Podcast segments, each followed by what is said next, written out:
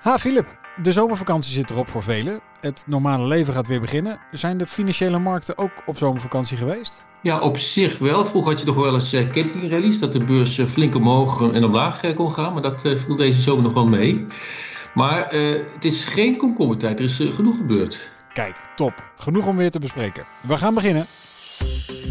Welkom bij Rentecast, de podcast van Florius, waarin we met Philip Bokkelo, senior econoom bij het economisch bureau van ABN AMRO, de hypotheekrenteverwachtingen doornemen. Stijgen, dalen, korte termijn, lange termijn, historische perspectieven, alles komt voorbij om jouw klanten van advies te voorzien of om hun vragen te beantwoorden.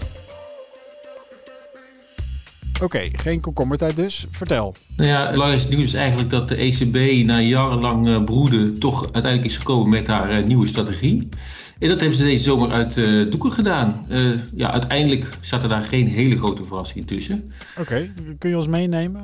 Waar hebben ze een jaar lang over nagedacht? Ja, waar, hebben ze, waar zijn ze uiteindelijk mee gekomen? Uh, ja, ik denk een belangrijke wijziging, maar niet per se van belang voor financiële markten, maar toch wel op lange termijn belangrijk, is dat ze meer oog krijgen voor het klimaat en dat ze dat wel betrekken in hun beleid.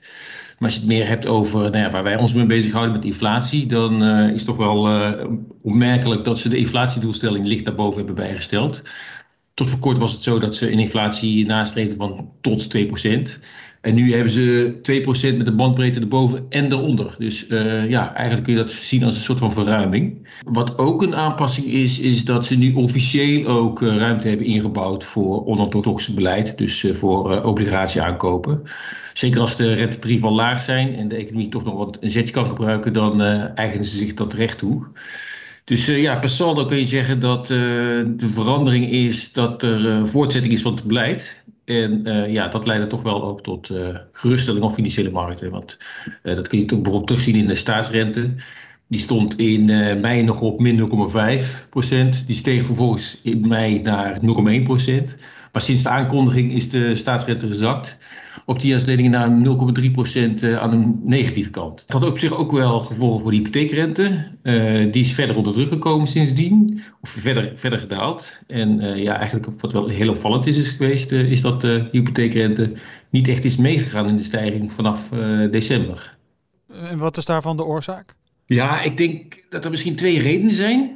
om te beginnen, de concurrentie die tussen aanbieders, die is heel groot. Uh, ja, toen de rente steeg, toen hadden de aanbieders zoiets van ja, uh, even de kat uit de boom kijken. Is dit wel duurzaam? Want die aanbieders die willen natuurlijk niet hun marktpositie verliezen en hebben even gewacht met de rente verhogen. Ja, een andere reden zou kunnen zijn ja, dat de DNB-cijfers, waar ik het nu eigenlijk over heb, ja, dat het eigenlijk samengestelde cijfers zijn. Dus een samenstelling van de contracten die uh, die hypotheekrente uiteindelijk uh, vertegenwoordigen, die die reeks vertegenwoordigt, dat die wat is veranderd. Dan zegt de DNB wel dat ze daarvoor corrigeren, maar ja, we hebben natuurlijk wat minder uh, starters gekregen, meer doorstromers, meer oversluiters.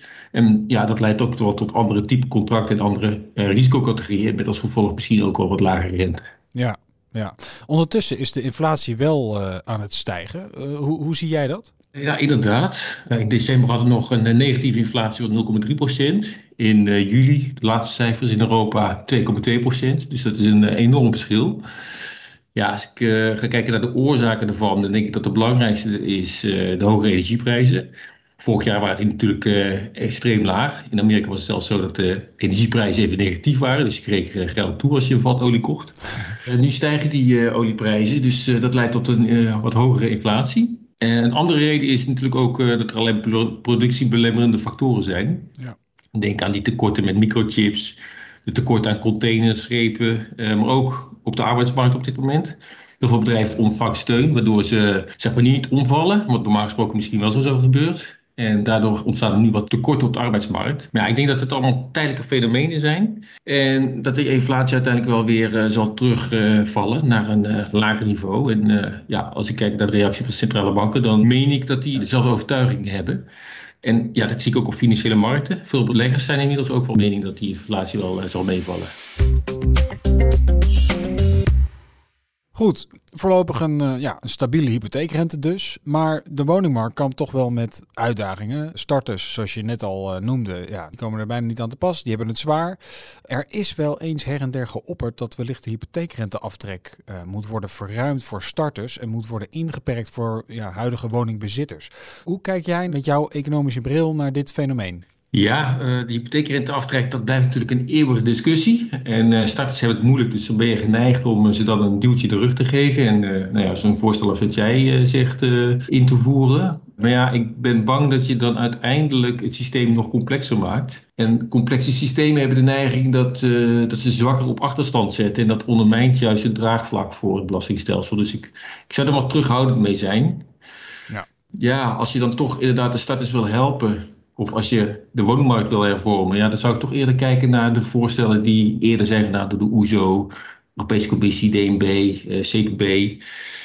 Ja, en dat gaat eigenlijk meer richting uh, ja, het stelsel wat we nu hebben zit vol ja, perverse prikkels. Het is lastig om daarin te grijpen, zeker als je dat ingrijpend en in één keer wilt doen. Ja. Het idee is toch altijd wel dat je de prikkels die er zijn, ja, sneller dan nu uh, beoogd is, uh, moet wegnemen. Ja, maar je bent het wel met me eens, denk ik. Ik bedoel, we, we moeten wat voor, voor, voor die starters, toch? Ja, zeker. De groep jongeren die geen toegang heeft tot, tot een woning en de woningmarkt, ja, die wordt steeds groter. ze hebben denk ik ook een steeds groter politiek gewicht. Ik denk niet dat de politiek dat kan negeren. En als je dan toch gaat kijken naar beleid, ja, dan heeft het CPB in de diverse analyses eigenlijk twee alternatieven. Ofwel de eigen woning defiscaliseren. Ja ofwel uh, de eigen woning naar box 3. Ja, en ik denk dat uh, Den Haag moeten kiezen tussen één van de twee op lange termijn. Maar ja, voordat dat dan daadwerkelijk is ingevoerd, dan uh, zijn we wel weer 10, 20 jaar verder, denk ik. Philip, ik denk als iemand alle podcastafleveringen van ons heeft teruggeluisterd, dan komt hij toch wel tot de conclusie dat alles zo precies uitkomt zoals jij en zoals ABN AMRO heeft bedacht. Overweeg je een carrière switch in een circus tent met een glazen bol? Nou, uh, dankjewel, dankjewel uh, voor het compliment. Uh, een carrière switch. Nou, ik zou het wel heel leuk vinden om in een circus op te treden. Nou. Maar ja, dan denk ik toch wel aan dat ik het ook heel leuk zou vinden om op te treden met de vrouw met de baard.